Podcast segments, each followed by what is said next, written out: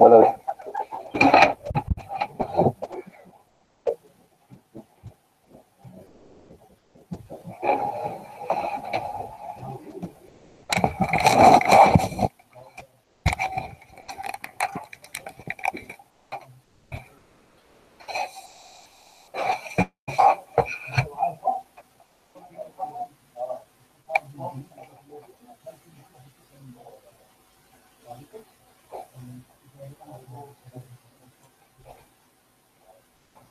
السلام عليكم ورحمة الله وبركاته.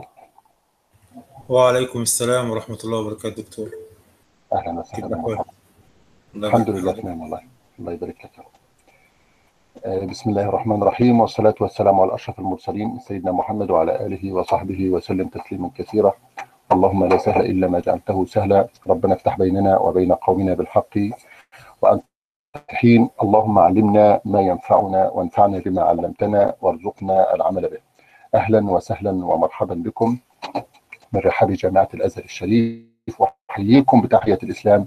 السلام عليكم ورحمة الله وبركاته. طبتم وطاب ممشاكم وتبوأتم من الجنة منزلا اللهم صل وسلم وزد وبارك على سيدنا محمد عدد من صلى عليه. اللهم صل وسلم وزد وبارك على سيدنا محمد عدد من لم يصلي عليه.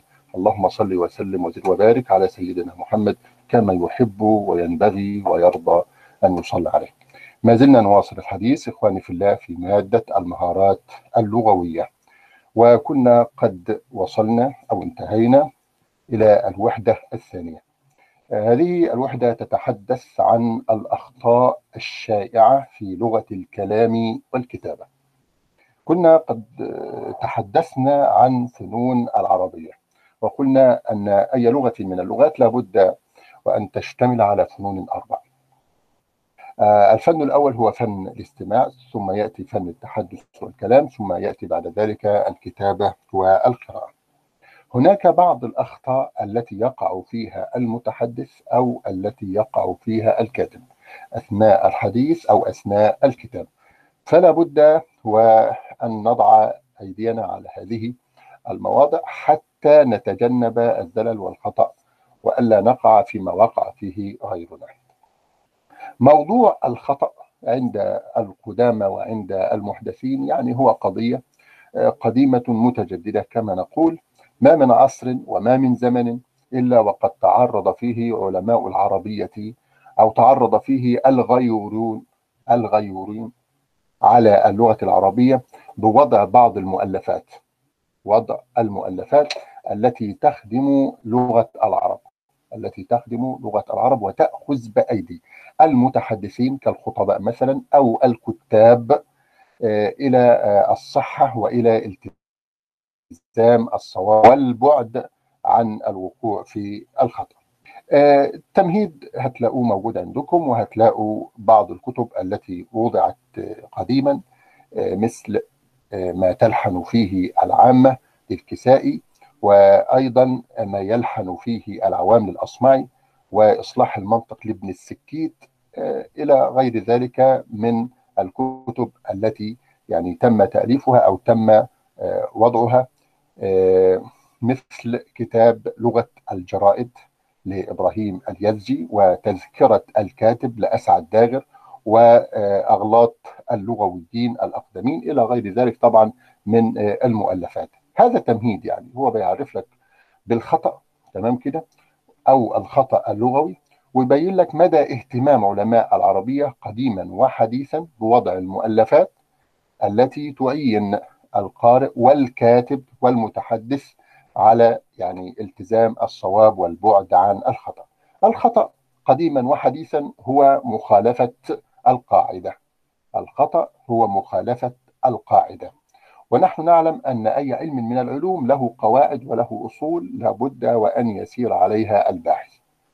فمتى خالف المتحدث أو خالف الكاتب تلك القواعد أو تلك الأصول ففي هذه الحالة يكون قد إيه؟ قد وقع. عندما نتحدث عن آه، الأخطاء التي قد يتعرض لها المتكلم أثناء حديثه إذا كان خطيبا مثلا والأخطاء التي يقع فيها الكاتب عندما يكتب أي كتابة سواء كانت كتابة وظيفية أو كتابة إبداعية أو تقريرية إلى غير ذلك التعبير الإملاء إلى غير ذلك من إيه؟ من الكتابات التي تحدثنا إيه؟ التي تحدثنا عنها. هناك أخطاء تسمى بالأخطاء الصوتية والنطقية. وهناك أخطاء أخرى تسمى بالأخطاء النحوية والأخطاء الصرفية والأخطاء الدلالية المعجمية. بالنسبة للأخطاء الصوتية والنطقية ده بيلاحظوا المستمع من المتكلم وخاصة عندما يقرأ مثلا القرآن الكريم عندما نسمع أو نستمع إلى نشرة إخبارية من إحدى القنوات الإذاعية طبعا سوف نلاحظ بعض الأخطاء الصوتية والنطقية. والأكثر من ذلك كما قلت لكم من يجيد علم القراءات أو علم التجويد ويقوم بإقراء الطلاب. سوف يجد هناك العديد من الأخطاء الصوتية والنطقية. نعني بالأخطاء الصوتية والنطقية هي المآخذ. التي تؤخذ على المتحدث أو المتكلم نتيجة لمخالفته القواعد الصوتية أو النطقية. وهذا الأمر كما قلت لكم من عنوانه نجده إيه؟ يعني خاص بالنص المقروء. أما النص المكتوب فله أخطاء أخرى قد يقع فيها الكاتب. الأخطاء الصوتية والنطقية بنلاقيها في الخطأ عند النطق الشفهي. ويتم إدراك هذا الخطأ عن طريق آلة السمع وهي الأذن وهذه الأخطاء تقع كثيرا في الإعلام المسموع. والمسموع والمرئي في آن واحد يعني الإعلام المسموع كالراديو أو المسموع والمرئي زي إيه؟ التلفزيون. طب ما هي المآخذ أو الأخطاء التي قد يقع فيها المتحدث أو المتكلم؟ أولا هناك جانب يخص جانب الصوت والأداء وهناك ما يخص جانب المعجم أو ضبط بنية الكلمة وهناك ما يخص جانب النحو والضبط الإعرابي بالنسبة لجانب الصوت والأداء هنلاقي أن سوف نجد عشان نقول هنلاقي طبعا سيبكم منها نجد أن هناك كثير من المتحدثين من المتكلمين من المقرئين من الإذاعيين من المقدمين للبرامج مثلا. يعني يستخدمون الوسائل الصوتية غير اللفظية استخداما معيبا. أنا يعني إيه الوسائل الصوتية غير اللفظية؟ لو تلاحظوا أن مقدم البرامج أو المذيع في أي قناة من القنوات لابد أن تكون له وسائل صوتية غير لفظية. وما يسمى بالملامح النطقية عند النطق. مثل عمليات النبر والتنغيم درجة الصوت معدل السرعة الاستمرارية البدء بصوت والنهاية بصوت. وده بنشاهده طبعا في القنوات. بتلاقي المذيع أو المذيعة يدخل عليك في أول البرنامج بلهجة أو بصوت كده. لا أقول لهجة أنا أقول صوت لأن أنا لا أتحدث عن الألفاظ أنا أتحدث عن الأصوات نبرة الصوت نفسه. ما يسمى بالنبري أو ما يسمى إيه؟ بالتنغيم ده موجود في علم الأصوات وممكن تبحثوا عن القضية دي عادي. فهنلاقي في طريقة الذي يلقي الإذاعة أو الذي يقوم بالخطيب مثلا بإلقاء كلمة مثلا على المنبر أو في مناسبة هتلاقي بيستخدم بعض الأصوات. تمام؟ درجة الصوت بتختلف يعني لا يسير على رتم معين أو على درجة معينة وهذا ما نراه كثيرا من الخطباء عندما يستحضرون الجنة والحديث عن الجنة سوف تجدون نغمة هادئة ونغمة كده كما نقول رقيقة ترقق يعني القلوب. وعندما تذكر النار سوف تجد الشدة والتخويف والترهيب إلى غير ذلك. فهذا ما يسمى بالوسائل الصوتية. أنا لم أدخل حتى الآن إلى اللفظ لكي أقول أنه قد أخطأ فيه رفع المنصوب أو نصب المرفوع أو مثلا خطأ في التثنية أو خطأ في الجمع لا أنا أقول الوسائل الصوتية وعلى رأس هذه الأمور كما قلت لكم النبر والتنغيم معدل الصوت ما بين الارتفاع والانخفاض الاستمرارية نوعية الصوت ومدى ارتفاعه الوقفة السكتة إلى إيه؟ إلى غير ذلك. يعني الوقفات والسكتات لابد وأن تكون أيضا ملائمة إيه؟ ملائمة للمعنى. ولذلك في باب الوقف والابتداء في علم التجويد على دراية البسيطة به يعني بيقول لك في وقف اضطراري وفي وقف كذا وقف كذا وقف لازم. فنفس الكلام المتحدث والمتكلم لابد وأن يحسن الوقوف ويحسن أيضا الابتداء. طبعا هناك من يكثر من الوقفات والسكتات لكي يسلم. هناك قاعدة تقول سكن تسلم ولكن هذا طبعا يعتبر عيبا إذا تكرر من المتحدث أو المتكلم. ولذلك بيقول لك هنا إيه؟ كثرة السكتات والوقفات الخاطئة من المتحدث أو المذيع. هذا أيضا يتصل بالأخطاء التي تسمى بالاخطاء الصوتية غير اللفظية. أيضا الخطأ في تنغيم الجملة أثناء القراءة وهذا طبعا له علم خاص به. ولذلك طبعا القنوات الفضائية لها تعقد دورات وتعقد طبعا بعض الورشات كما نقول لكي تهيئ المذيعين للإلقاء ومن ناحية النبر من ناحية التنغيم من ناحية الشكل حتى بتاع الستايل بتاع الإنسان أو وضع اليد أو وضع الوجه أو الالتفات أو السرعة أو المشي. طبعا كل ده موجود في العالم بتاعنا الحديث. ثانيا نطق الأصوات نطقا معيبا. نطق الأصوات نطقا معيبا. هندخل دلوقتي. للخلط بين الأصوات زي الصوت المجهور والمهموس مثلا في إيه؟ في النطق. هنلاقي كتير من المتحدثين ومن لغة الإذاعيين طبعا من يخلطون بين هذه الأصوات مثل الدال والتاء الذال والثاء. نضرب مثال لذلك يعني مثلا كلمة يغشى. هناك من يقول يخشى صح كده؟ يخلط ما بين الغين والخاء. تمام؟ هناك أيضا آه من يقول مثلا في الفعل تعتقد بالعين طبعا يقول تحتقد بإبدال العين حاء أثناء إيه؟ أثناء النطق وهذه الأشياء طبعا من الأخطاء التي يعني يقع فيها أيضا المتحدثين والمتكلمين وتكثر أيضا في لغة الإعلام الخلط بين الصوتين أيضا المرقق والمفخم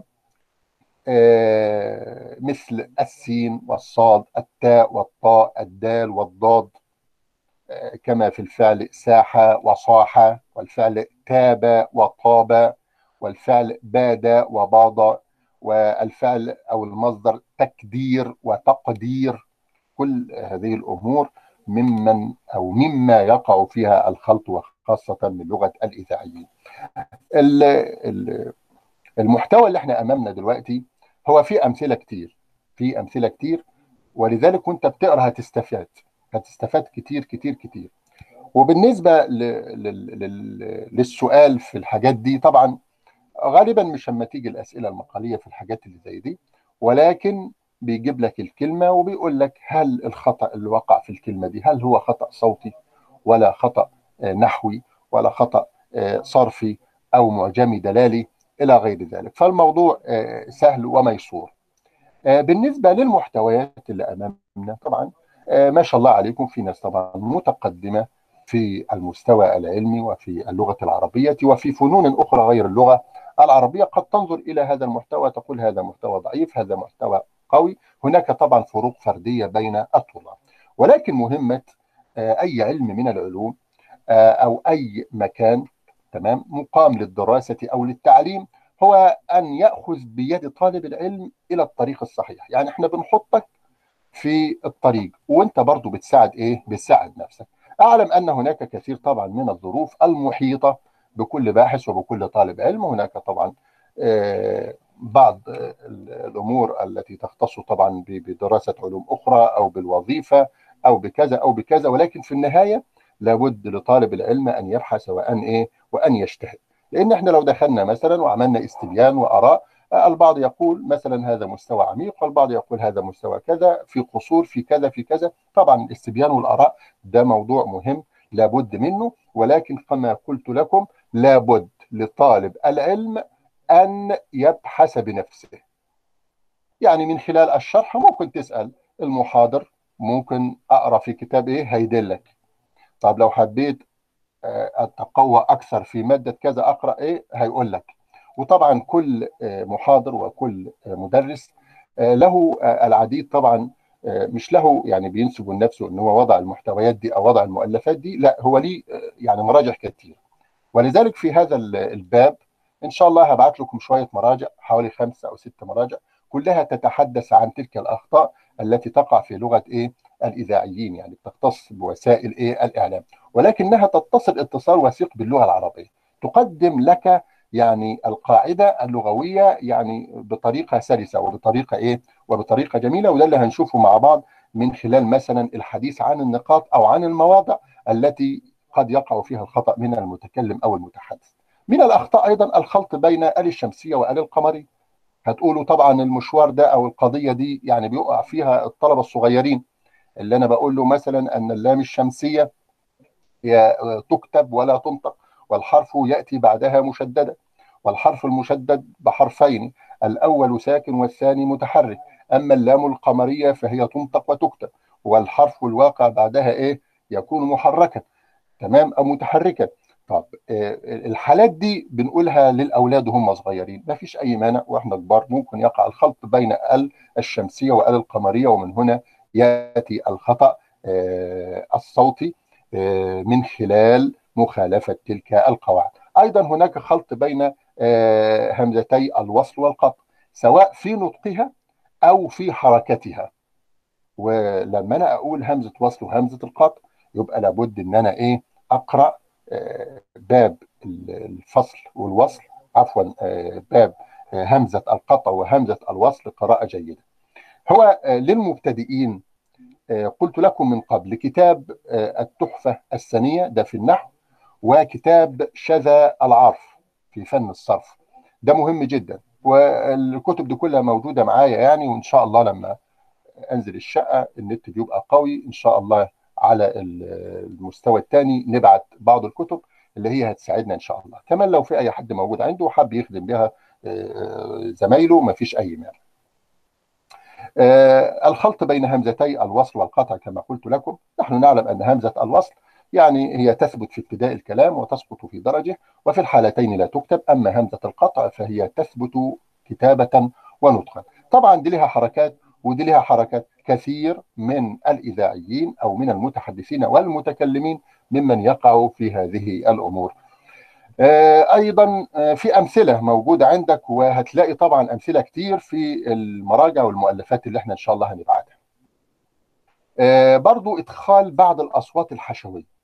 يعني كثير طبعا من المتحدثين وده بنشوفه كتير مثلا. على وسائل الإعلام سواء المسموعة أو المرئية والمسموعة معا. نجد أن بعض المتحدثين أو المتكلمين يطيل. المقصود بالأصوات الحشوية يا جماعة اللي هي الحركات. بتلاقيه مد في الكلمة كده زي ما يكون كده عشان يتذكر الكلمة اللي بعديها. زي ما إحنا وإحنا صغيرين وإحنا في الكتاب كان الواحد يمد في الكلمة كده عشان إيه؟ يتذكر الكلمة التي بعدها. هذا يسمى بالأصوات الحشوية اللي أنت بتحشي حركة طويلة كده أثناء الحديث عشان تتذكر الكلمة التي إيه التي بعدها. الإكثار من هذا الموضوع بالنسبة للمتحدث أو المتكلم أثناء النطق هو من أيضا من الأخطاء ومن العيوب آه التي إيه آه تخل بالقواعد النطق.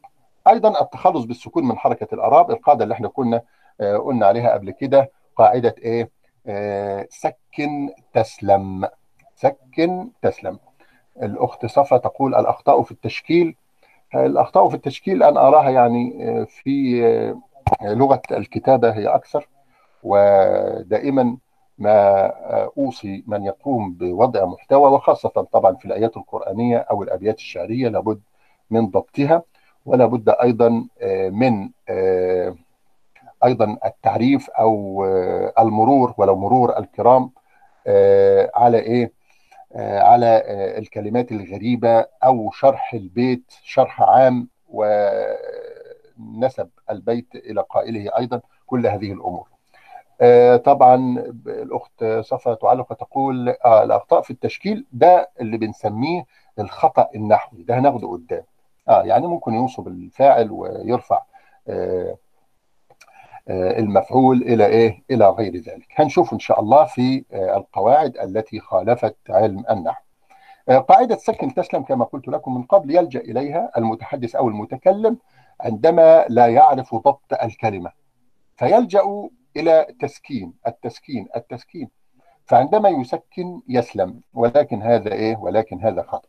ننتقل إلى الأخطاء النحوية والتركيبية. بمناسبة آه تعليق الأخت على كلمة التشكيل. لابد وأن نفرق بين علم النحو وعلم الصرف. علم الصرف يهتم ببنية الكلمة. يهتم ببنية إيه؟ الكلمة. زي كده لما يبقى عندي قطعة أرض. تمام؟ وربنا يوسع عليكم كلكم كده ونبنيها مثلا بيت أو نبنيها فيلا. فلما بنحط الأساس والقواعد ونرفع القواعد طبعا ونصب الدور الأول والثاني والثالث دي البنية بتاعت البيت. آه علم الصرف زي كده. بيهتم بالحديث والبحث عن بنية الكلمة. هل هي ثلاثية؟ هل هذا مجرد؟ هل مزيد؟ آه مش عارف. رباعي خماسي سداسي ده الشغل بتاع مين؟ بتاع علم الصرف. لكن مين اللي بيشتغل في الشكل؟ كما أشارت الأخت وقالت الأخطاء في الشكل. الذي يهتم بالشكل هو علم النحو. زي مثلا كده لما بجيب مهندس الديكور وبيعمل لي اللون مثلا بتاع الحجرة دي مختلف عن لون الحجرة دي. الدور الأرضي مختلف عن كذا عن كذا. آه مهندس الديكور ده بيهتم بالشكل.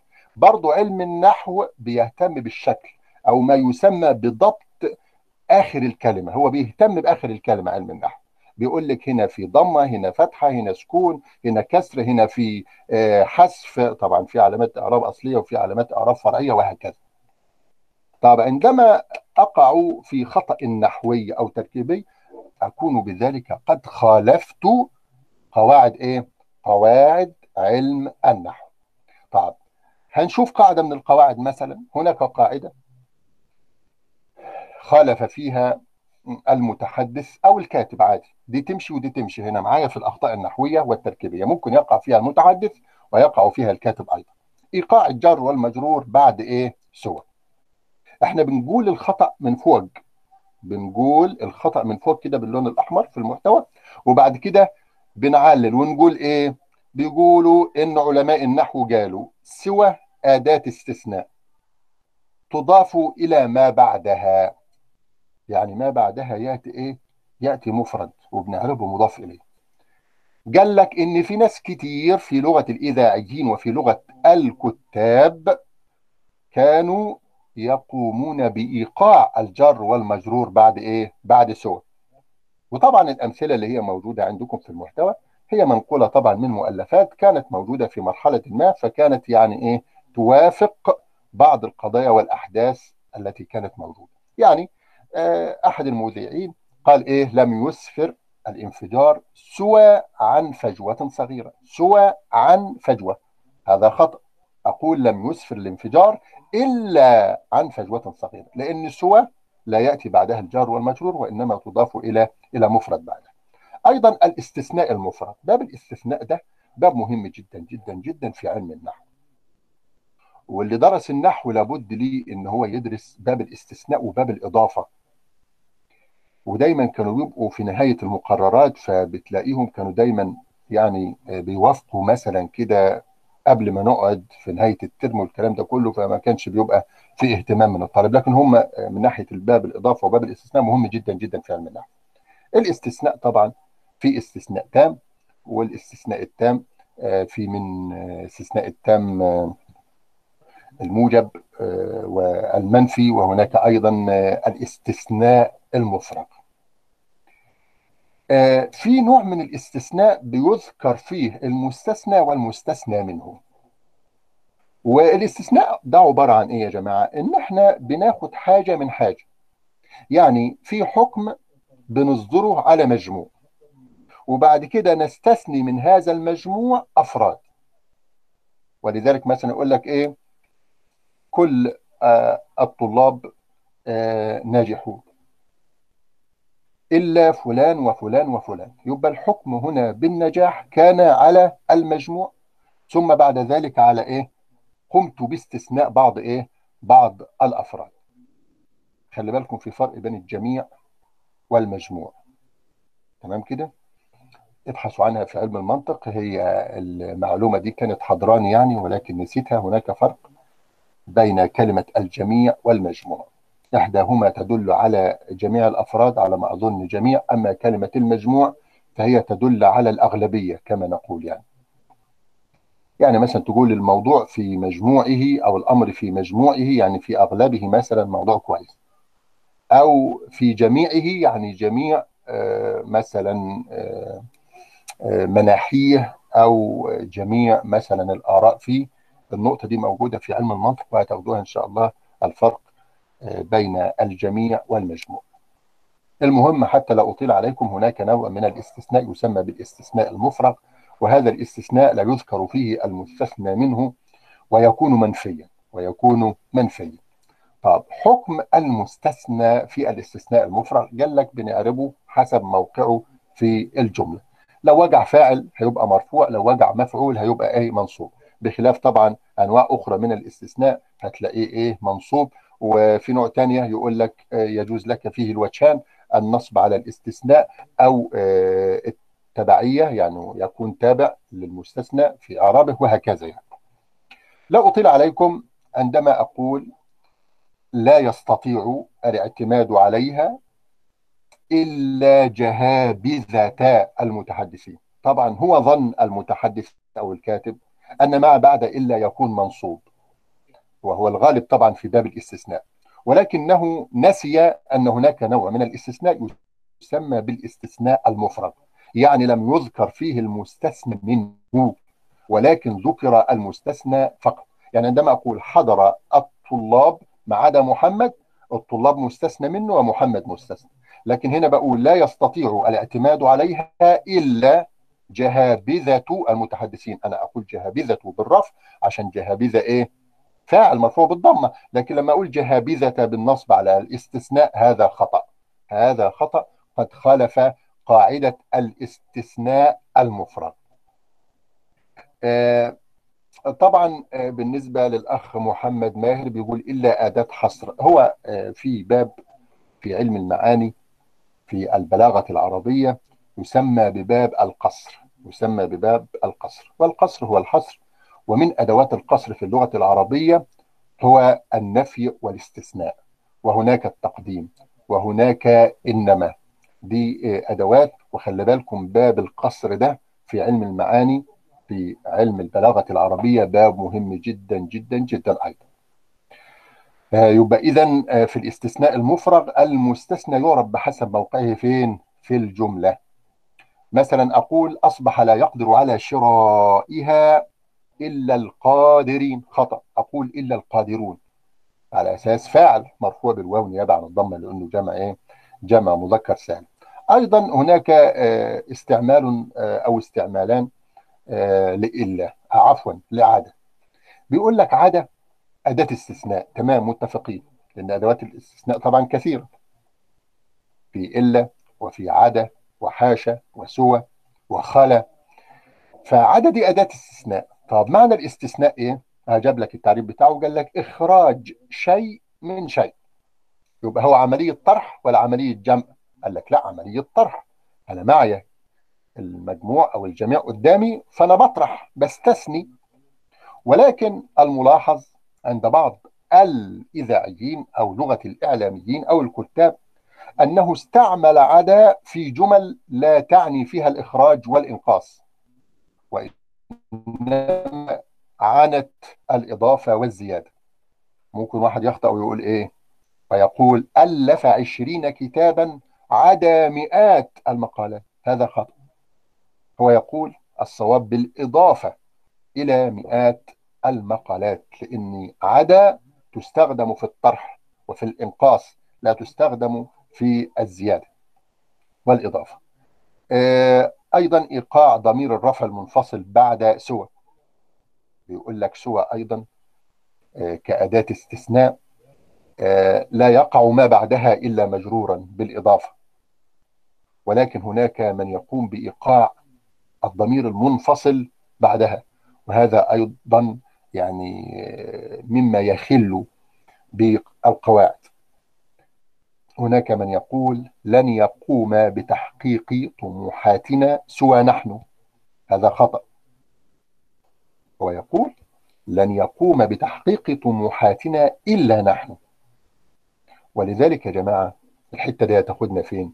لما تيجي تذاكر الضمير المتصل والمنفصل. يقول لك الضمير المتصل هو الذي لا يستقل بنفسه لا نطقا ولا كتابة ولا يقع بعد إلا لا يقع بعد إيه؟ لا يقع بعد إلا دايما كده الضمير المتصل. يا متصل باسم يا بفعل أي حرف. زي الياء ياء المتكلم. قلمي ضربني عندي لي بي. اتصلت زي ما أنتم شايفين كده بأنواع الكلمة الثلاثه طب هل تستقل في النطق؟ لا تستقل في النطق. هل تستقل في الكتابة؟ لا تستقل إيه؟ في الكتابة. طب بالنسبة للضمير المتصل. كده انتهينا منه. الضمير المنفصل عاد هو الذي يستقل بنفسه نطقا وكتابه. ويجوز أن يقع بعد إلا. هتلاقوها كده في في التحفة أو في كتب النحو. أقول لن يقوم بتحقيق طموحاتنا إلا نحن. يجوز إيقاع الضمير المنفصل بعد إلا. وهذا هو ضابط الضمير المنفصل وهو جواز إيقاع الضمير المنفصل بعد إلا. أما الضمير المتصل فلا يصح وقوعه بعد إيه؟ بعد إلا. لأنه ضمير متصل لا يستقل بنفسه لا نطقا ولا كتابة طب الأخت اللي كتبت السؤال ماذا عن سواء عليهم؟ طب كملي السؤال بتاعك لأن أنا مش فاهم هناك أيضا ما يسمى بأخطاء النفي. طبعا باب النفي باب كبير وهناك أدوات كثيرة بتستخدم في النفي. هناك أفعال زي ليس وهناك حروف زي لا. ولا دي في اللغة العربية لها أشكال كتير. يعني هتلاقوا لا الناهية التي تدخل على الفعل المضارع وهي أداة جزم تجزم الفعل المضارع. لا تكتب لا تلعب. فلا هنا ناهية.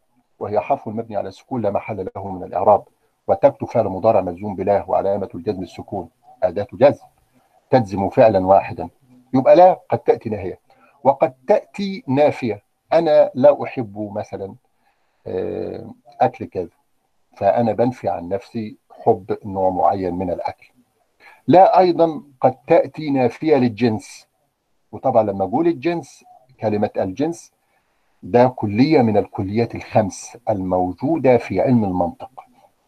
لما هتدرسوا منطق هتلاقوا حاجة اسمها الكليات الخمس الجنس والنوع والفصل والعرض العام والعرض الخاص.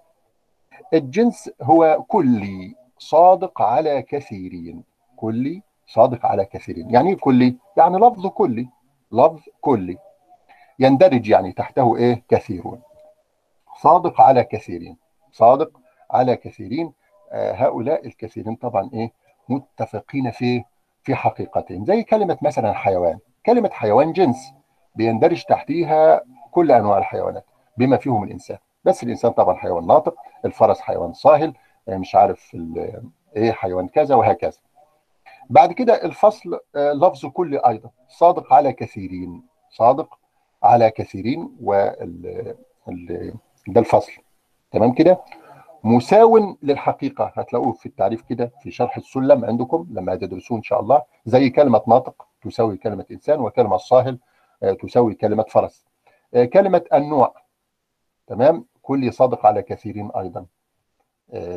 يندرج تحت جنس زي الإنسان بيندرج تحت الحيوان والفرس أيضا نوع من أنواع الحيوان بيندرج تحت الحيوان. هناك ما يسمى بالعرض الخاص. طبعا هو لفظ كلي أيضا.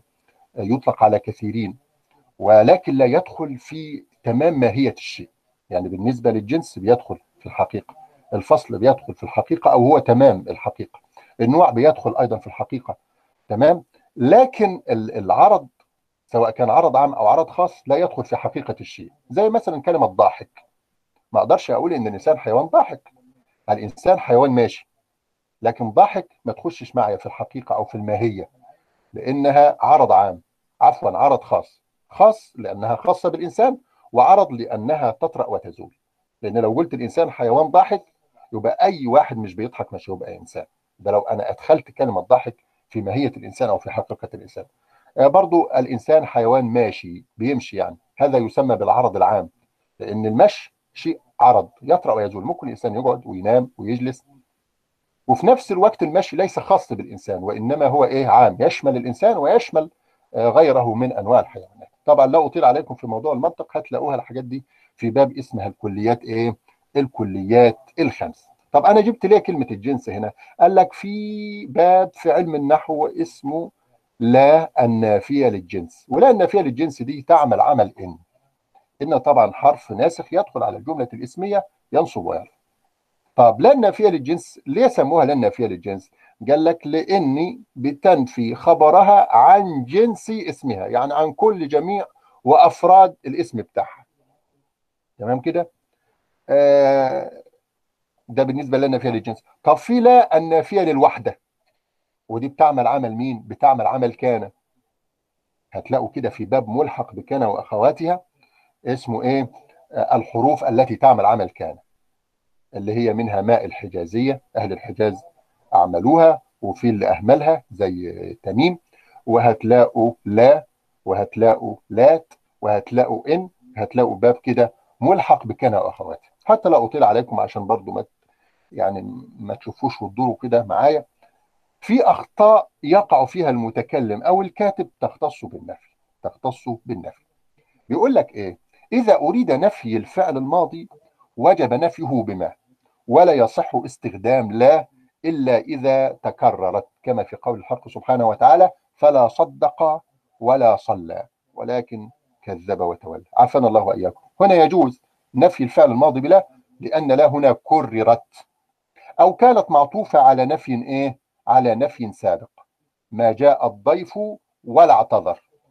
ما جاء الضيف ما طبعا حرف نفي مبني على السكون لا محل له من الاعراب وجاء فعل ماضي والضيف فاعل. الواو عاطفة لا هنا إيه؟ نافية أيضا. ولكن تم نفي الفعل الماضي بعدها ليه؟ قال لك لأنها جاءت معطوفة على نفي سابق. لكن نفي الماضي بلا في غير حالتين دي في غير هاتين الحالتين قال لك في هذه الحالة هي لا تكون نافية وإنما تكون دعائية. كما في قول الحق سبحانه وتعالى فلقتحم العقبة وما أدراك ما العقبة. تمام؟ آه لا هنا ليست نافية وإنما هي دعائية. قالوا لا زال العلماء يواصلون البحث. هذا خطأ. أقول ما زال العلماء يواصلون البحث. وإحنا عارفين إن زال من أخوات كان. كان ما شاء الله إخواتها كتير. هم حوالي 13 لما بنقسمهم في العمل هنلاقي قسم يعمل بدون شرط اللي هو كان أم الباب. كان دي أم إيه؟ أم الباب. فنسب الباب إيه؟ نسب الباب إليها. وما شابهها قلنا عليه إيه؟ إخواتها. طب مين إخواتها؟ قال لك أصبح وأضحى وأمسى وصار وظل وبات وليس. ومعهم كان دول الثمانيه يعملوا بدون شرط. فري كده. طب في أربعة بيعملوا بشرط زال وفتئ وبرح وانفت قال لك لابد إن هم يتقدمهم يتقدمهم إيه؟ نفي أو شبه نفي. طب شبه النفي اللي هو إيه؟ قال لك النهي والدعاء. معنى الأخير وهو دام قالوا لابد وأن تتقدمها ما المصدرية الظرفية كما في قول الحق سبحانه وتعالى وأوصاني بالصلاة والزكاة ما دمت حيا. والزكاة ما دمت إيه؟ حيا. ما آه قبل الفعل دام هنا ما مصدرية ظرفية. وتسمى بماء المصدرية ليه يا جماعة؟ قال لك لأنها تؤول مع ما بعدها بمصدر. وسميت ظرفية ليه؟ لأنها تقدر بالظرف أيضا. وأوصاني بالصلاة والزكاة ما دمت حيا أي مدة دوامي حيا. ولذلك لما هتاخدوا مثلا يقول لك إيه؟ ان المصدرية أو ما المصدرية وممكن يقول لك المصدر المنسبك من أن والفعل بعدها أو من ما والفعل بعدها. يعني إيه المنسبك؟ يعني اتسبكوا مع بعض كده زي ما بنضرب الطماطم في الخلاط وبنسيبهم على البوتاجاز يتسبكوا. صح كده؟ مش لما نقول عليهم إيه طماطم بنقول عليهم صلصة. أو زي ما بعمل العصير في الخلاط أنا برضو بمسك أنا المصدرية أو ماء المصدرية وأجيب الفاعل اللي بعدها وبضربهم في الخلاط في النهاية بيدوني إيه؟ يدوني المصدر. والموضوع ده هتلاقوه طبعا موجود عندكم كثير يقول لك المصدر الصريح والمؤول بالصريح كما في قول الحق سبحانه وتعالى وأن تصوموا خير لكم. رمضان جاي على أبواب كل سنة وأنتم طيبين. فهتلاقوا أن مصدرية وتصوم فعل مضارع منصوب بأن وعلامة النصب حذف النون لأنه من الأفعال الخمسة. وواو الجماعة في تصوم ضمير مبني على السكون لا محل له من الإعراب. لا ضمير مبني على السكون في محل رفع فاعل. تمام كده؟ وأن تصوموا مع بعضها كلها كده؟ هتؤول بمصدر بمعنى إيه؟ صيامكم خير إيه؟ خير لكم. والمثال ده هتلاقوه في باب المبتدأ والخبر لأن المبتدأ يقول لك اسم صريح أو مؤول بالصريح. صريح زي محمد إيه؟ مؤدب. محمد هنا اسم صريح. المؤول بالصريح كما في قول الحق سبحانه وتعالى وأن تصوموا خير لكم. وأن تصوموا أي صيامكم خير لكم. فان وما بعدها في تأويل مصدر في محل رفع إيه؟ في محل رفع مبتدأ. آه استخداما المعروف في لغة العرب. أريد إيه؟ إذا أريد تأكيد النفي في الماضي تمام بنستخدم قط. وإذا أريد تأكيده في المستقبل استخدم إيه؟ ابدا. تمام؟ وهما الاثنين ظرف يا جماعة. تعالوا كده في سورة المائدة. أتباع سيدنا موسى عليه السلام. جماعة بني إسرائيل بني إسرائيل دول غلبوا ناس كثيرة صراحة يعني غلبوا جميع الأنبياء. زي ما نقول كده باللغة العامية بتاعتنا نشفوا ريكهم ما فيش نبي راح لهم إلا نشفوا ريقه فقالوا له إيه؟ إنا لن ندخلها ابدا ما داموا فيها. طبعا نشفوا ريقهم بالنسبة للأخ ريكاردو وأخوه. طبعا نشفوا ريقهم بمعنى إيه؟ يعني من كتر الدعوة ومن كتر الحديث معهم خلاص يعني تعبوا من الكلام والحديث. قالوا إيه؟ إنا لن ندخلها ابدا ما داموا فيها. لن ندخلها أي لن ندخلها في المستقبل. فاستخدموا ابدا. طب لو في واحد مثلا من الجماعه الإذاعيين قال إيه؟ لم تنجح ابدا محاولات العلماء. لم تستخدم ابدا هذه الأدوات ولن تستخدمها. أو لم تنجح قط. لم تنجح لأن أنا بنفي بنفي إيه يا جماعة؟ بنفي الماضي. طب هتتلخبطوا دلوقتي وتقول لي إزاي يا أستاذ دي لم جازمة وبتدخل على الفعل المضارع؟ إزاي بتقول لي بتنفي الماضي؟ أقول لكم خلي بالكم لم ليها ثلاث معاني. اولا أداة نفي يعني بتنفي الفعل بعديها. تمام؟ أداة جزم يعني بيجزم الفعل بعديها. وبعد كده قال لك أداة إيه؟ أداة قلب. نفي وجزم وقلب. يعني إيه قلب؟ القلب بتاعنا يعني أخصائي قلب وبطنة وكبد والكلام ده كله لا قلب بمعنى إيه؟ بمعنى تقلب معنى الفعل المضارع من الحال وتنفيه في الماضي. زي وإحنا صغيرين مثلا المعلمة كانت بتطلب مننا كل واحد يطلع الواجب. فقول عملت الواجب؟ آه عملنا الواجب. كل واحد يطلع الواجب. طب هقول إيه أنا لما كنتش عملت الواجب؟ أقول محمد لم يكتب الواجب. يا ابله لم يكتب الواجب بمعنى لم يكتبه في البيت لما كان في البيت. طب بعد ما تضربني أقول والله ما أنا كاتب الواجب لن أكتب الواجب. يبقى النفي هنا هينصب على فين؟ ينصب في المستقبل. وده الفرق بين لم ولن. لن بتجلب النفي من الآن أو المضارع الحاضر يعني ويكون النفي فين؟ يكون النفي في المستقبل. عفوا يكون النفي في الماضي. لم. لكن لن تقلب النفي من الحاضر إلى الاستقبال. وده هتشوفوها واضحة لما أقول إيه؟ فلان أو محمد لم يكتب الواجب يمس. لم يكتب أي لم يكتب في الماضي لما كان في البيت. طب لو أنا مثلا اتضربت فهقول للمستر مثلا أو المعلم بتاعي آه أنا لن أكتب لن أكتب. أنا بنفي الكتابة فين؟ الآن ولا بنفيه في المستقبل؟ بنفيه في المستقبل. ودول هتلاقيهم مع بعض. في باب لم ولن. لم نفي وجزم وقلب لكن لن نصب ونفي وقلب. طب المثال اللي قدامكم لم تنجح ابدا. طب دلوقتي أنا نفيت إيه؟ نفيت الماضي. كلمة الماضي دي يخيل إليكم إن تنجح هنا فعل ماضي؟ لا هو فعل مضارع. ولكن لم من خصائص لم أنها تحول النفي ومعنى النفي من الحاضر إلى إيه؟ إلى الماضي. ولذلك وافقها أن أقول ابدا. أقول إيه؟ ابدا. أتمنى إن هي تكون مفهومة واضحة ما اكونش لخبطتكم يعني. أيضا من الأخطاء التي قد يقع فيها المتحدث أو الكاتب إثبات ما يستحق الحذف. زي إيه مثلا؟ إحنا عارفين إن الفعل المضارع لما يبقى معتل الآخر. تمام كده؟ يقول لك إيه؟ مجزوم بحذف حرف العله تمام كده؟ آه الأفعال الخمسة عارفينها كل فعل مضارع اتصلت به ألف الاثنين أو واو الجماعة أو ياء المخاطبة. قال لك يرفع بثبوت النون وينصب ويجزم بحذفها.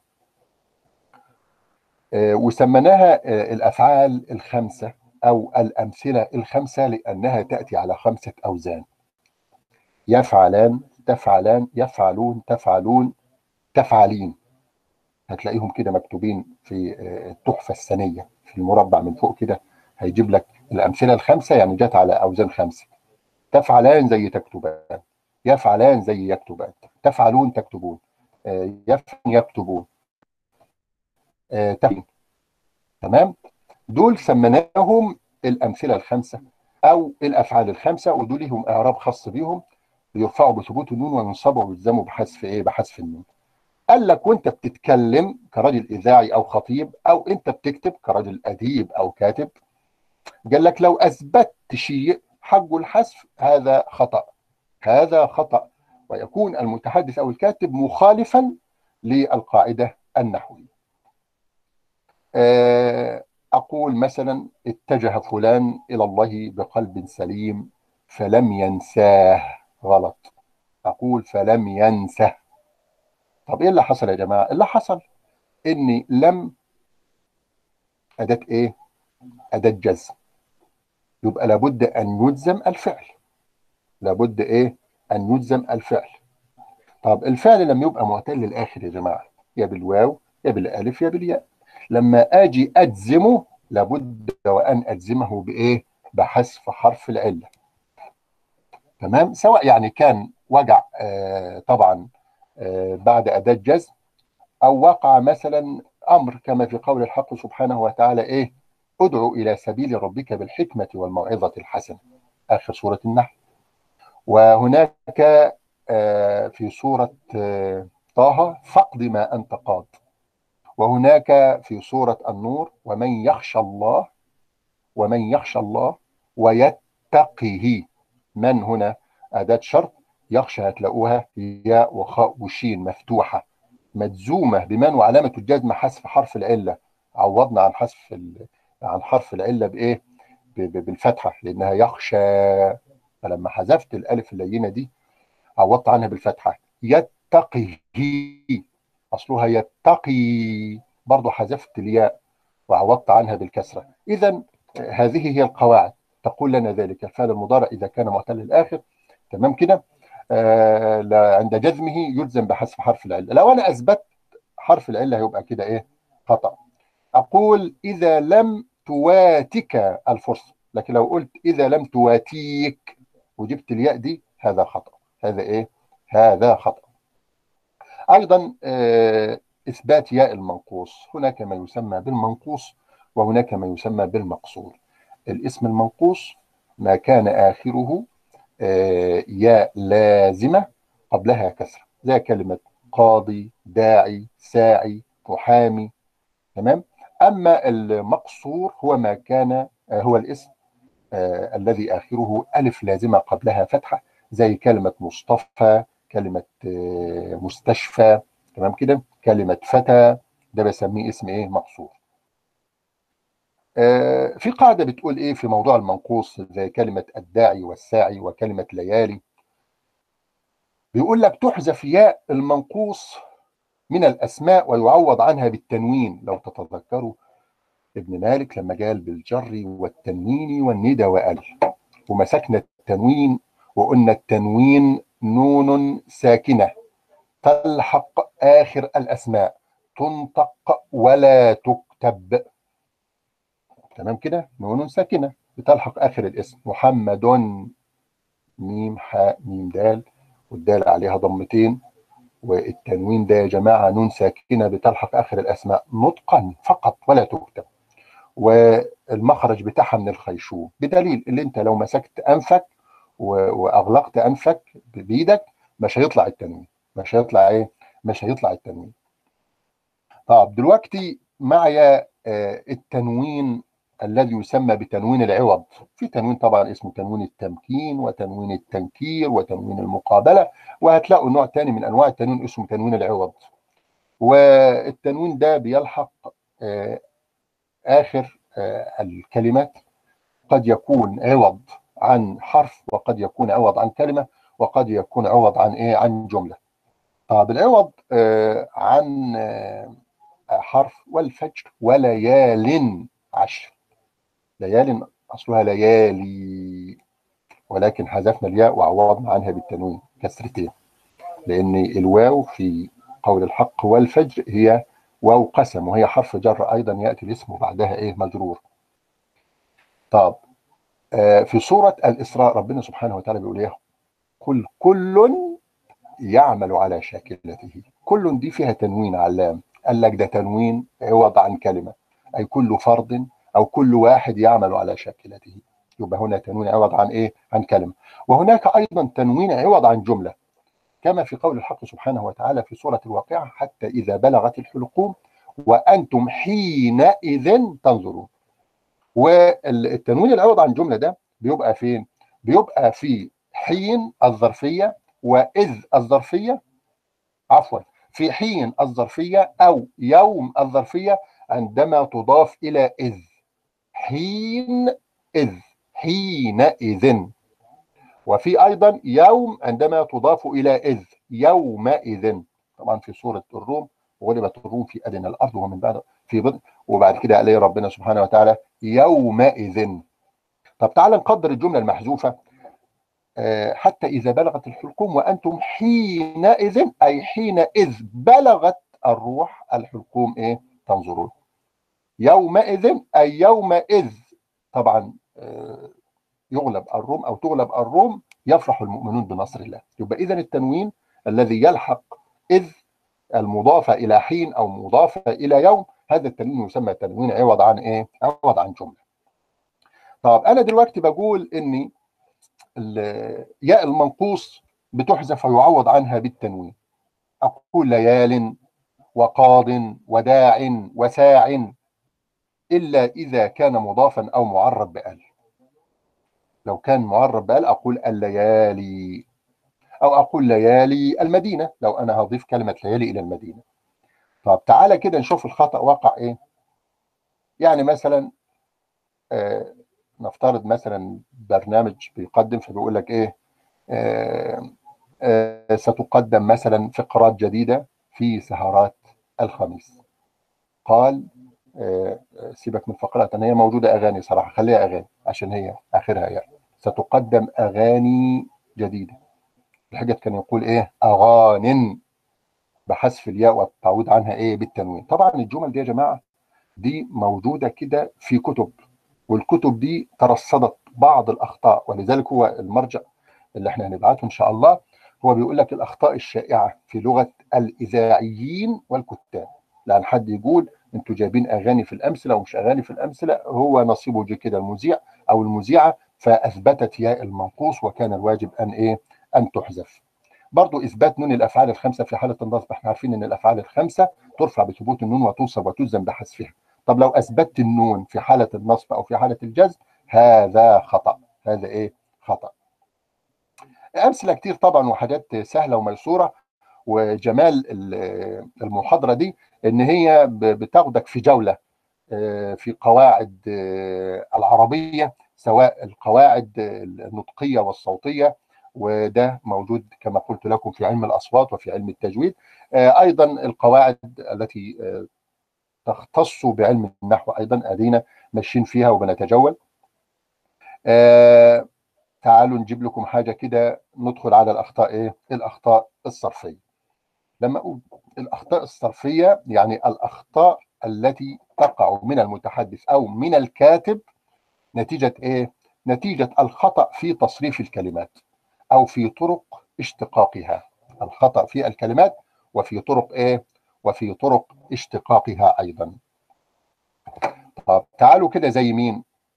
زيه في أخطاء في التثنية. طبعا باب التثنية وباب الجمع وتثنية المنقوص والمقصور والصحيح كل الحاجات دي هتلاقوها فين؟ في الكتاب اللي أنا قلت لكم عليه شذا العرف في فن الصرف. كتاب مهم جدا وإن شاء الله يعني هننزلوه لكم ونبعتوه لكم على الجروب بتاع المستوى الثاني آه تعالوا نشوف كده من الأخطاء التي يقع فيها المتحدث أو الكاتب. قال لك تثنية المقصور. وأنا قلت لكم المقصور هو اسم آخره ألف لازمة قبلها فتحة. زي كلمة إيه؟ فتى. كلمة مصطفى.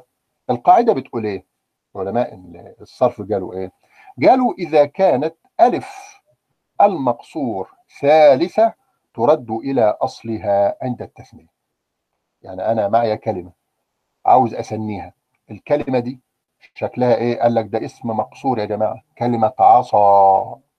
ده اسم مقصور. آخره ألف لازمة قبلها فتحه طب مكون من كام حرف؟ قال لك من ثلاثة الألف رقم كام؟ قال لك رقم ثلاثة قال لك عند التثنية نعمل إيه؟ قال لك نبص الأصل الألف دي. ونردها لأصلها. ونردها إيه؟ نردها لأصلها. طب التثنية الخطأ أقول عصاتان أو عصاتين. ولكن التثنية الصحيحة أقول إيه؟ عصوين. أقول إيه؟ عصوين. آه جزاك الله خيرا يا أخ محمد ماهر. طب بالنسبة لمعرفة أصل الحرف بعرف أصل الحرف عن طريق إيه؟ قال لك عن طريق الفعل المضارع أقدر أعرف عن طريق المصدر تمام؟ عن طريق التثنية عن طريق الجمع عن طريق الإفراد. دي كلها خطوات أو آليات أو وسائل أستطيع من خلالها الوقوف على معرفة أصل الحرف. يعني قال هات المضارع. يقول اذا ألف قال أصلها الواو. لأنها في المضارع يقول وفي المصدر القول. ألف باع أصلها ياء لأن المضارع يبيع ومصدره البيع. آه كلمة أعداء الهمزة أصلها واو. أي أن أصل الكلمة أعداو بدليل إن مفردها عدو. آه كلمة آه سماء الهمزة أصلها واو لأنها من الفعل سما يسمو سموا. اذا كلمة سماء أصلها سماو. تطرفت الواو بعد ألف زائدة فقلبت همزة فصارت سماء. الحاجات دي هتاخدوها في باب الإعلال وفي باب الإبدال وده باب جميل جدا في علم إيه؟ في علم الصرف. يبقى عاوز أعرف أصل الحرف ده أو الحرف ده منقلب عن إيه؟ هات الفعل المضارع هات المصدر هات الكلمة وثنيها هات الكلمة واجمعها. طب لو الكلمة جمعها ردها للمفرد بتاعها وهكذا. ننتقل بعد ذلك إلى استعمال كلا وكلتا. أنا بجيب لكم مثال واحد وأنا ماشي وأنتوا تبقوا تشوفوا الباقي. وأبشروا يعني الموضوع سهل وميسور. أنا عاوزكم تتعلموا. موضوع الشهادة دي كله هياخدها إن شاء الله بعون الله تعالى وتوفيقه والكل هياخد شهادة. بس في النهاية لابد إن أنت زي ما قلت لك كده تبقى مستفيد أو الراجل اللي بيشرح لك ده اللي على قديه يعني بيحاول يحطك على الطريق اللي هو يعني مشى فيه على قد ما قدر يعني. أو على قد إمكانياته وامشي أنت كده واستعن بالله ولا تعجز وإن شاء الله طبعا بالتوفيق للجميع. كلا وكلتا. نخبط الباب على كلا وكلتا فتحوا الباب هما الاثنين هنقعد معاهم هيحكوا وقالوا لنا إيه القاعدة بتاعتهم. القاعدة بتقول إيه؟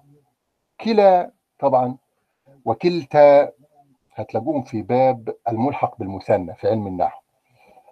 ملحقان إيه؟ ملحقان بالمثنى. كلا وكلتا كلا تستخدم للمثنى المذكر وكلتا للمثنى إيه؟ المؤنث. تمام. إيه تاني؟ قالوا كلا قد تضاف إلى ضمير وقد تضاف إلى اسم ظاهر. تمام. طب القاعدة بتقول إيه؟ بتقول إن كلا أو كلتا إذا أضيفتا إلى الاسم الظاهر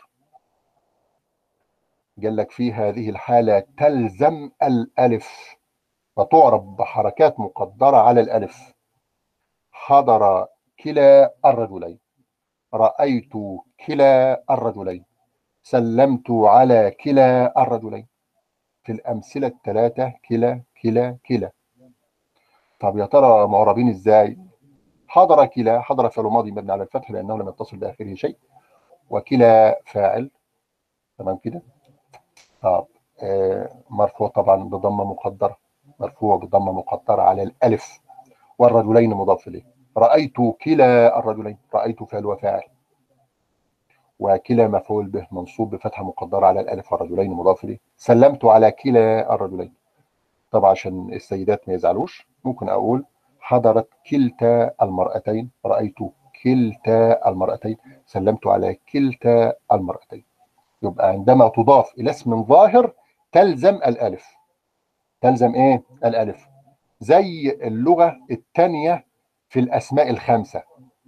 لما تدرسوا إن شاء الله باب الأسماء الخمسة أب وأخ وحم وفو وذو قال لك دول في إعراب مشهور ليهم اللي هو بالواو رفعا الألف نصبا الياء جرا. البعض يقول إلزام هذه الأسماء الخمسة ألف في جميع آآ آآ يعني النطق. هذا أخاك رأيت أخاك سلمت على أخاك ويبقى معرب أيضا بحركات مقدرة. نفس الكلام هنا. في كلا وكلتا عندما تضاف إلى إيه؟ إلى اسم ظاهر تلزم الألف في النطق وتعرب بحركات مقدرة على الألف. طب يا ترى ده في جميع أحوالها؟ قال لك لا ما ممكن كلا وكلتا تضافان إلى ضمير. قال لك إذا أضيفت كلا وكلتا إلى ضمير يبقى في هذه الحالة تعرب إعراب إيه؟ الملحق بالمثنى بالألف رفعا وبالياء نصبا وجرا. حضر كلاهما رأيت كليهما سلمت على كليهما. حضرت كلتاهما رأيت كلتيهما سلمت على كلتيهما. دي القاعدة. طب اللي هيخالف القاعدة هيبقى وقع في الخطأ. طب الخطأ ده هيبقى خطأ إيه عشان لو جالك في الامتحان وقال لك مثلا قامت كلا المرأتين؟ تقول لي ده خطأ. نحوي والصواب أن أقول قامت كلتا المرأتين. آه أيضا تثنية أخ. آه طبعا آه كلمة أخ ليست مشددة الخاء. طبعا في العامية بنقول إيه؟ أخ. ولكن لما أنطقها أقول أخ. أخ. تمام؟ وأخ هنا ثلاثية ولكن حذفت لامها.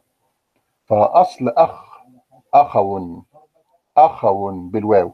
بدليل أن هذه الواو تعود عند التثنية. أقول أخوان وأخوين. صح كده؟ إذا كلمة أخ ليست من المضاعف. يعني حد يقول دي مضاعفة الخاء لا ليست من المضاعف. ولكن يعني من الأسماء التي حذفت منها اللام وهي الواو. فأخ أصلها أخو. بدليل أن الواو ترد عند إيه؟ عند التثنية. في ناس بتخطأ في التثنية؟ آه.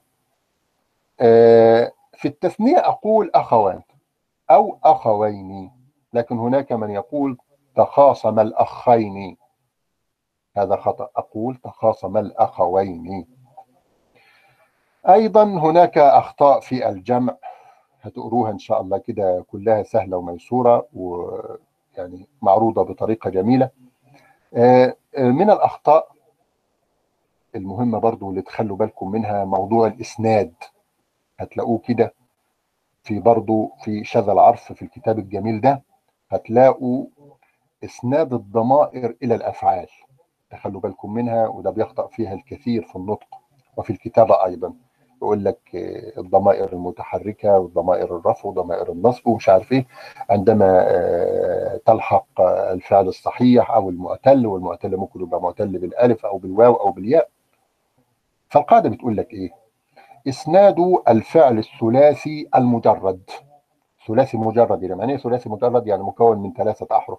مجرد يعني جرد عن حروف الزيادة. الثلاث حروف أصول. طب بنعرفهم أصول إزاي؟ بنعرفهم أصول ماشيين معايا في جميع تصاريف الكلمة. زي الصديق والأخ الأصيل. بيقول لك ده ماشي معايا على الحلوة والمرة مش أما يسيبني. نفس الكلام الحروف الأصول آه تمشي مع الفعل في جميع تصاريفه مثل الكاف والتاء والباء في كتبه في المضارع يكتب وفي الأمر اكتب وفي اسم الفاعل كاتب وفي اسم المك... في اسم المفعول مكتوب تمام كده وفي المصدر كتابة إلى غير ذلك هتلاقوا الكاف والتاء والباء ماشية في جميع تصاريف إيه؟ في تصاريف الكلمة. الأخت هند بتقول أليس يجب تخاصم تخاصم الأخوان. آه تخاصم الأخوان. فاعل مرفوع بالألف نيابة عن الضمة لأنه مثنى. هو في خطأ يعني في الكتابة ولا يا أخت هند؟ ترجعينا تاني؟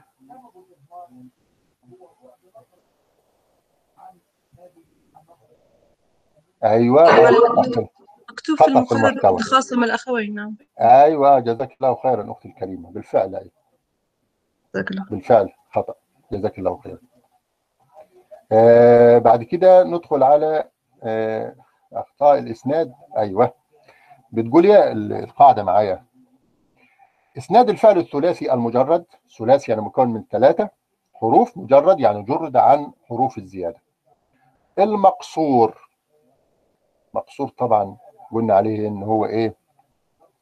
آه في المقصور في الأسماء قلنا هو الاسم الذي آخره إيه؟ الذي آه آخره آه ألف لازمة قبلها فتحة زي مصطفى ومستشفى وهكذا. طب إحنا دلوقتي في المقصور في الفعل. قال لك هذا النوع من الأفعال ترد الألف فيه إذا كانت واوية الأصل واوا. وإذا كانت الألف يائية الأصل ترد ياء ولذلك المصطلح ده هتلاقوه في في علم النع... في علم الصرف.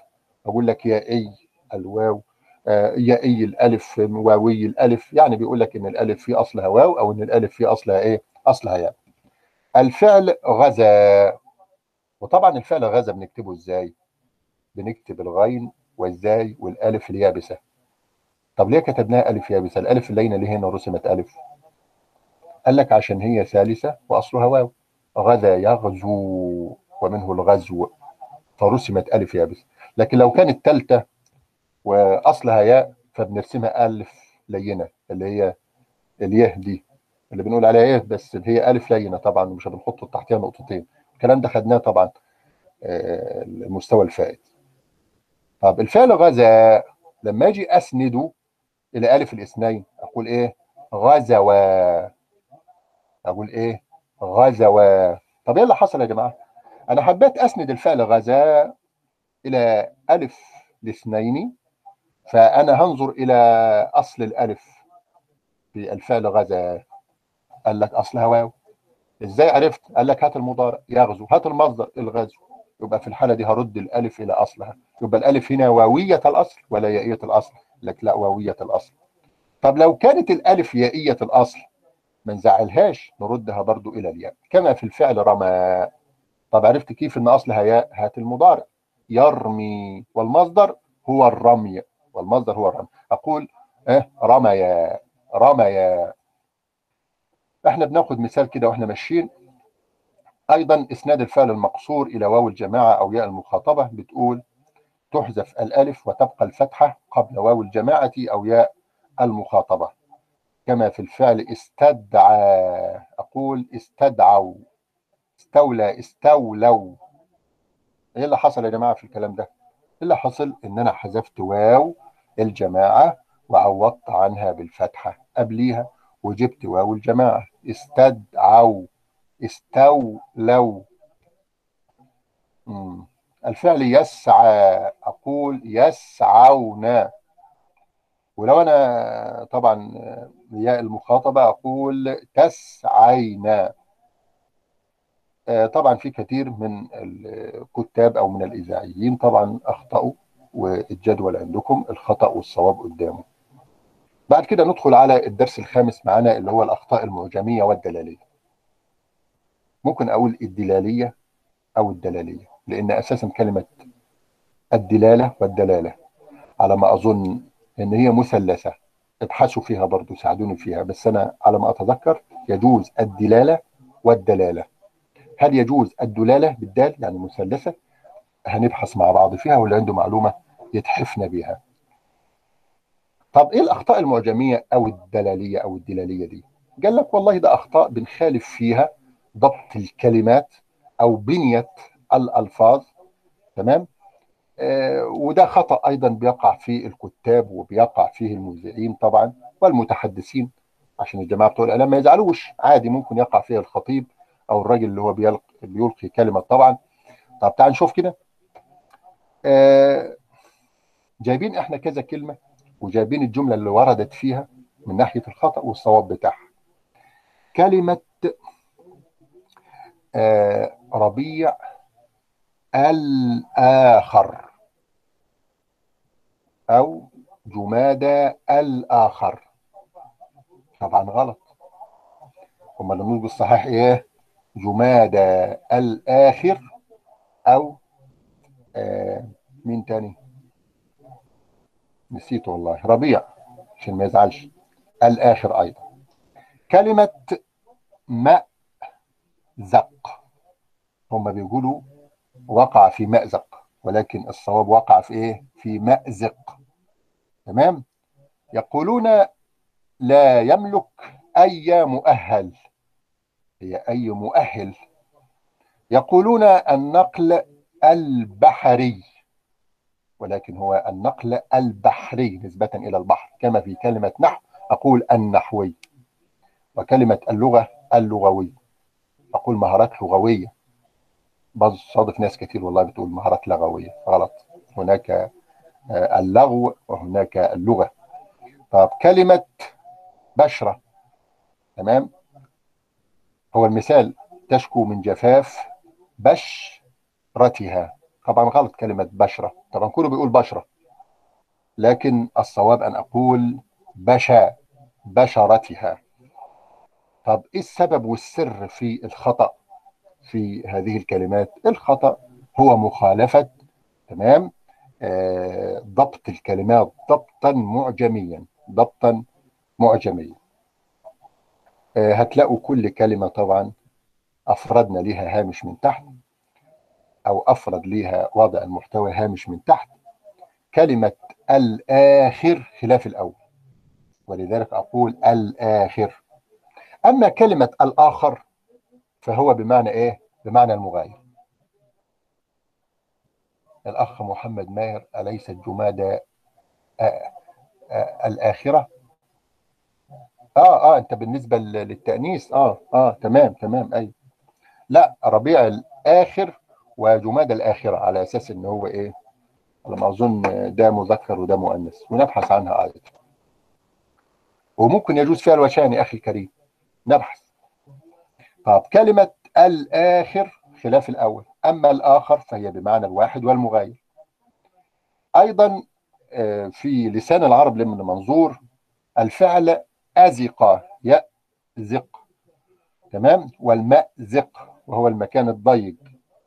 مكان الضيق. ولذلك جت كلمة الزجاج. الله أعلم هي طبعا فصحى ولا مش فصحى. زجاج بمعنى المكان الضيق. وعلى ما أظن قريبة في النطق من الإنجليزية. على ما أظن في الإنجليزية المكان الضيق الضيق يعني قريب من من من نطقه في العربية. مش عارف انطق بصراحة ممكن تضحكوا عليا الجماعة اللي هم بي بي بيعرفوا إنجليزي فممكن حد يقولها لنا ما فيش أي مانع. هل هي قريبة في النطق بالإنجليزية أيوة من نطقها في العربية. الأخ محمد ماهر يقول زقاق. أيوة بالنسبة للمكان الضيق طبعا. لما كنا بنلعب ونجري وفي النهاية نلاقي الإيه الشارع سد. بعد كده في اللسان أيضا لابن منظور. لما تلاقوا كلمة في اللسان الكلمة المراد باللسان اللي هو مين؟ ما إحنا دخلنا خلاص على المعاجم دلوقتي. أنا بقول الأخطاء التي تخالف إيه؟ الأخطاء التي تخالف بنية الكلمة أو ضبط بنية الكلمة. الأخطاء المعجمية. يبقى إحنا كده هنمشي مع القاموس المحيط واللسان وطبعا العين وأنواع كثيرة طبعا في علم إيه؟ في علم المعاجم. آه البشره طبعا ظاهر الجلد أو أعلى جلد الوجه والجسد من الإنسان. بعد كده برضو كلمات كثيرة فيها خطأ. يقولون كان على مقربة هي مقربة.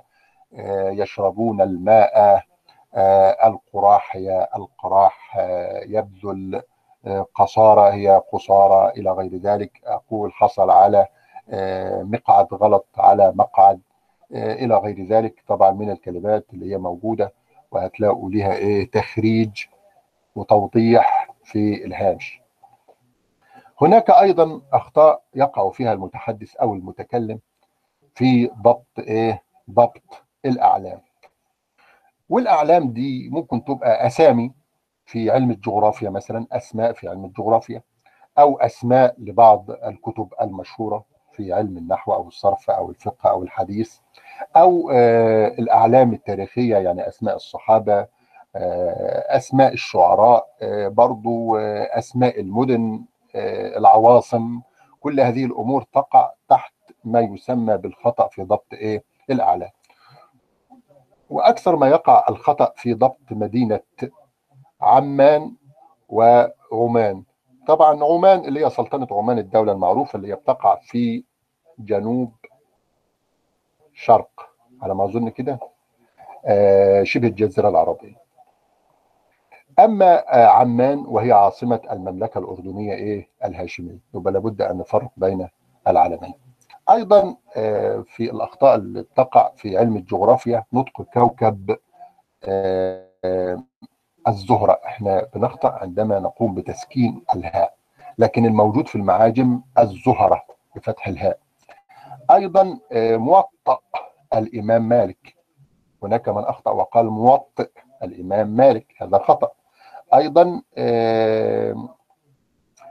هناك أيضا كلمة الجولان السورية. تمام كده؟ نقول الجولان. لكن هي الجولان بفتح إيه؟ بفتح الجيم. لكن الخطأ كله بينطقها إيه؟ الجولان. تمام؟ آه أيضا آه ندخل على المملكة العربية السعودية. آه تنطق أجهزة الإعلام اسم مدينة إيه؟ جدة أو جدة أو جدة. بثلاثة أوجه. يا بالكسر يا بالجيم يا بالضم. والصواب هو آخرها. وإن كان أقلها استعمالا على ألسنة المذيعين. يعني شوف يعني هو بيقول لك هي مثلثة الحرف الأول. يعني أقول جدة وجدة وجدة. قال لك والصحيح والمقيس عليه في الثلاثة قال لك الأخيرة. وإن كانت هي الأقل فين؟ الأقل في الاستعمال. هناك أيضا خطأ في بنية الكلمة. وهناك أخطاء كتابية تعال نشوف كده بعض الأخطاء الكتابية. كثيرا ما يقع الخطأ فيما يكتب في الصحف سواء كان تعليقا على صورة طبعا من الصور أو ترجمة أو أو أو إلى غير ذلك طبعا من القضايا المطروحة في حوار أو في لقاء أو في نشرة إخبارية إلى غير ذلك. هناك من يكتب ندعو نون دال عين واو ألف. هذا خطأ. ولكن الصحيح أن أقول ندعو. وده يا جماعة لابد وأن نفرق فيه بين الفعل الصحيح اللام أو الفعل المعتل اللام. لما أقول اللام يعني الحرف الذي يوازي لام فعل لأن أنا قلت لكم قبل كده أنا عندي الميزان الصرفي. زي المثال لما. لما بروح السوق وبقف قدام الميزان وبحط كيلو بطاطس هنا وكيلو الحديد هنا. نفس الكلام الميزان الصرفي له إيه؟ كفه هنا ولا كفه هنا هنا نضع الكلمة وفي المقابل نضع الوزن المقابل له العرب قالوا إحنا بنوزن بالفاء والعين واللام. وقبل كده قلت لكم اختاروا الفاء والعين واللام ليه؟ البعض قال عشان يعني يرادوا ويكونوا جابوا يعني من كل مخرج من مخارج الحروف حرف. فخدوا من الشفتين الفاء ومن أقصى الحلق طبعا أو من الحلق طبعا بصفة عامة خدوا العين وخدوا من اللسان اللام فقال لك الفاء والعين واللام وما زاد على ذلك نزود وطبعا في فرق ما بين الكلمة المجردة والصحيحة والكلمة المزيدة إلى غير ذلك والكلام ده هتلاقوه في باب إيه؟ في باب الصرف إن شاء الله. طب الفعل آه ندعو آه لا نقوم بإضافة ألف بعد الواو ليه؟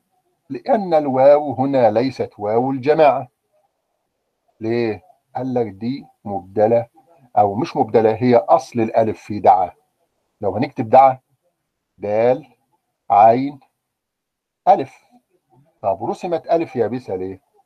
قال لك لأن أصلها واو من الفعل دعا يدعو ومنه الدعوة طب لما نجيب المضارع أقول ندعو تدعو يدعو تمام بدون إيه؟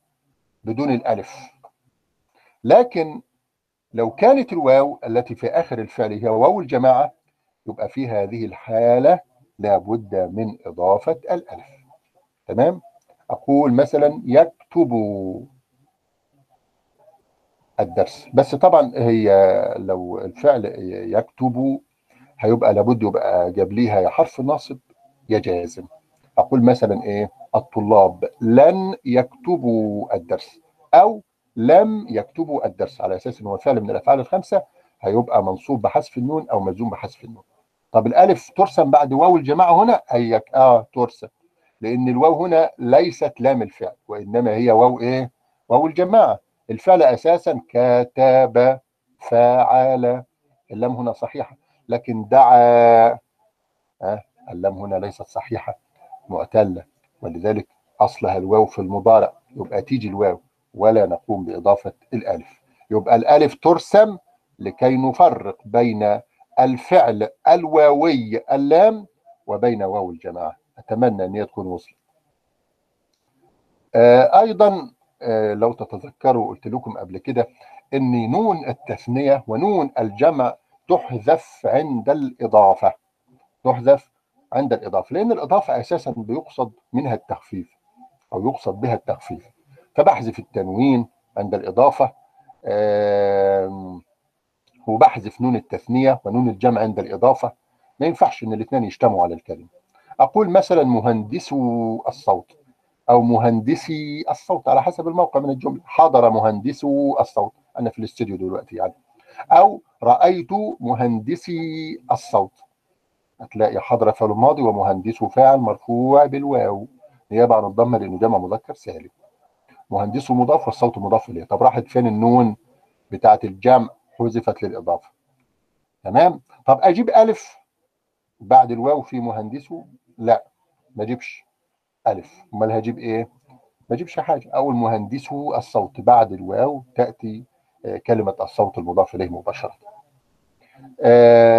مهندسي الصوت أيضا رأيت فعل وفعل ومهندسي مفعول به منصوب بالياء نيابة عن الفتحة لأنه جمع مذكر سالم وحذفت النون للإضافة والصوت إيه مضاف إليه. أمال الألف هكتبها إمتى يا شباب؟ قال لك الألف لا تكتب إلا بعد واو الجماعة في الفعل ماضيا مثل فاهموا أو مضارعا منصوبا أو مجزوما اللي أنا قلت لكم عليها اللي هو الأفعال الخمسة. لم يفهموا لن يفهموا. تمام؟ أو الفعل الأمر الذي اتصل بآخره واو الجماعة افهموا. تمام؟ افهموا. آه بعد كده آه أيضا آه آه كلمة اكتفاء مساء. صحتها اكتفاء ومساء كما تقتضي القاعدة الإملائية التي تمنع إثبات الألف بعد الهمزة إذا سبقت الهمزة أو سبقت الهمزة بألف. أما إذا لم تسبق بألف فيجب كتابتها في حالة النصب كما في كلمة جزءا بدءا درءا ضوءا تمام عبئا دفئا. هو بيقول لك يعني في ناس بتكتب إيه؟ كلمة مساء. بتجيب لك بعد الهمزة ألف تنوين. ألف إيه؟ ألف التنوين. إحنا عارفين التنوين. نون ساكنة تلحق آخر الاسم. تنطق ولا تكتب. تمام؟ ترسم ضمتين أو كسرتين أو ترسم ألف في حالة إيه؟ في حالة النصب. وبعد كده في مذهبين يا جماعة في التنوين. هل يرسم على الألف نفسها في حالة النصب؟ ولا يرسم على الحرف اللي قبل الألف؟ وإحنا صغيرين قبل ما نيجي الجامعة ونتعرف على الحاجات دي كنا بنرسم الفتحتين على الألف. ولكن هو هو صحيح ولكن المشهور يعني والأحسن هو أنها ترسم على إيه؟ على الحرف اللي هو نون اللي أنا نونته واللي نتج عنه أو تولد عنه بعد كده إيه؟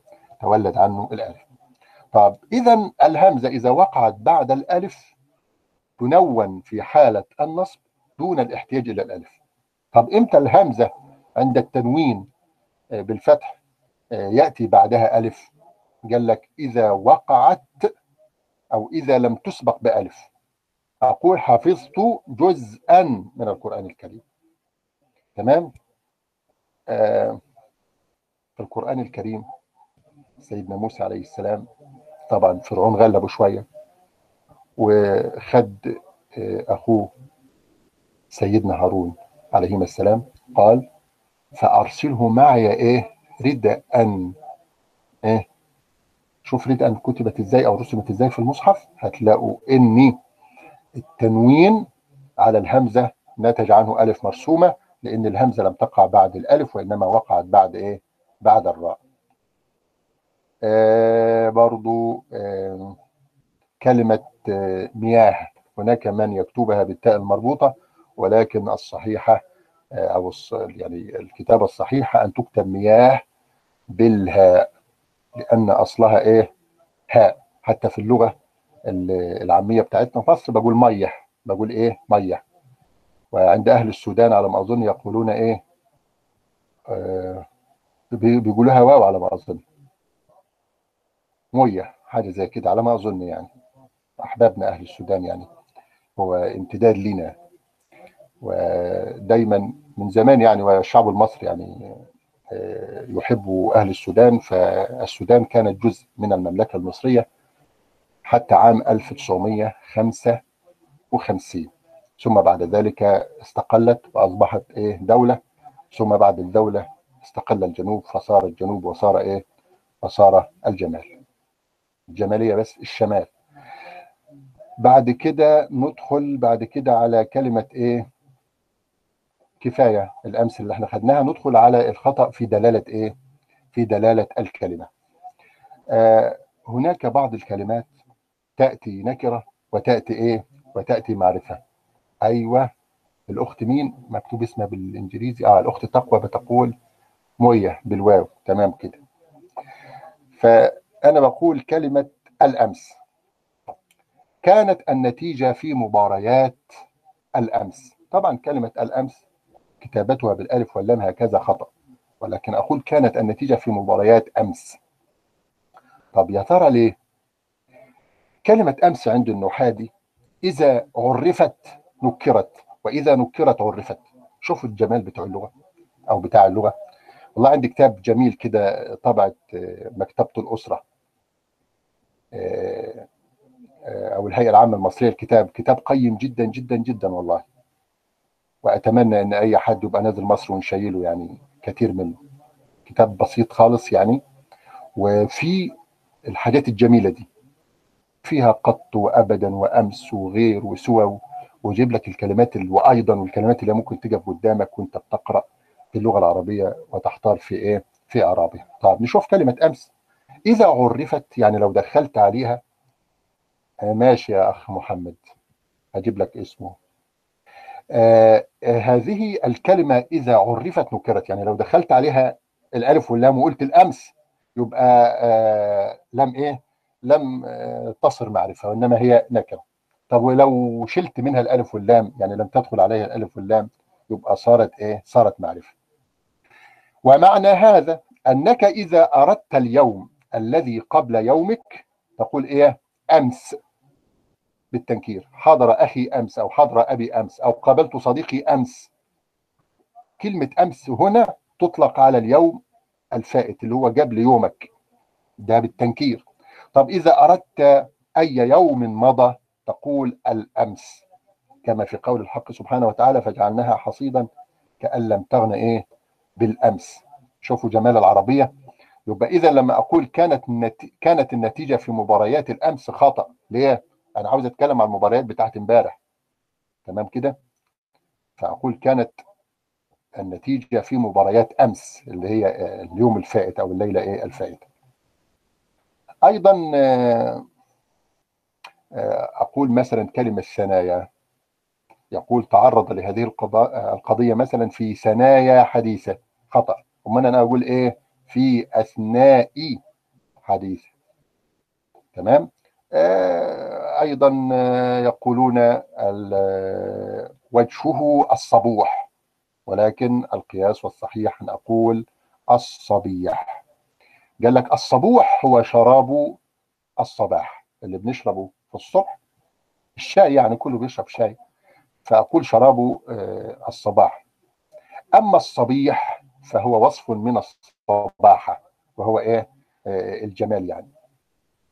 أيضا من الأخطاء التي يقع فيها المتحدث أو الكاتب هو الخلط بين الجذور وكلمة جذور جمع جذر والجذر هو يعني المنشأ بتاع الكلمة نفسها. ولذلك لما أنتم تجروا في القاموس المحيط أو في مقاييس اللغة أو في لسان العرب هتلاقوا الجذر اللغوي يكتب مفرقا وينطق مفرقا.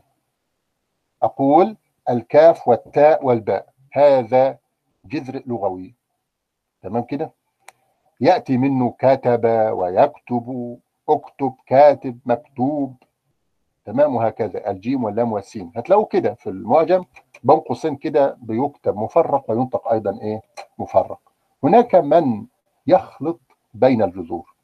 يقول مثلا في كلمة الثمين بالساء لا يميز بين الغث والثمين بالساء.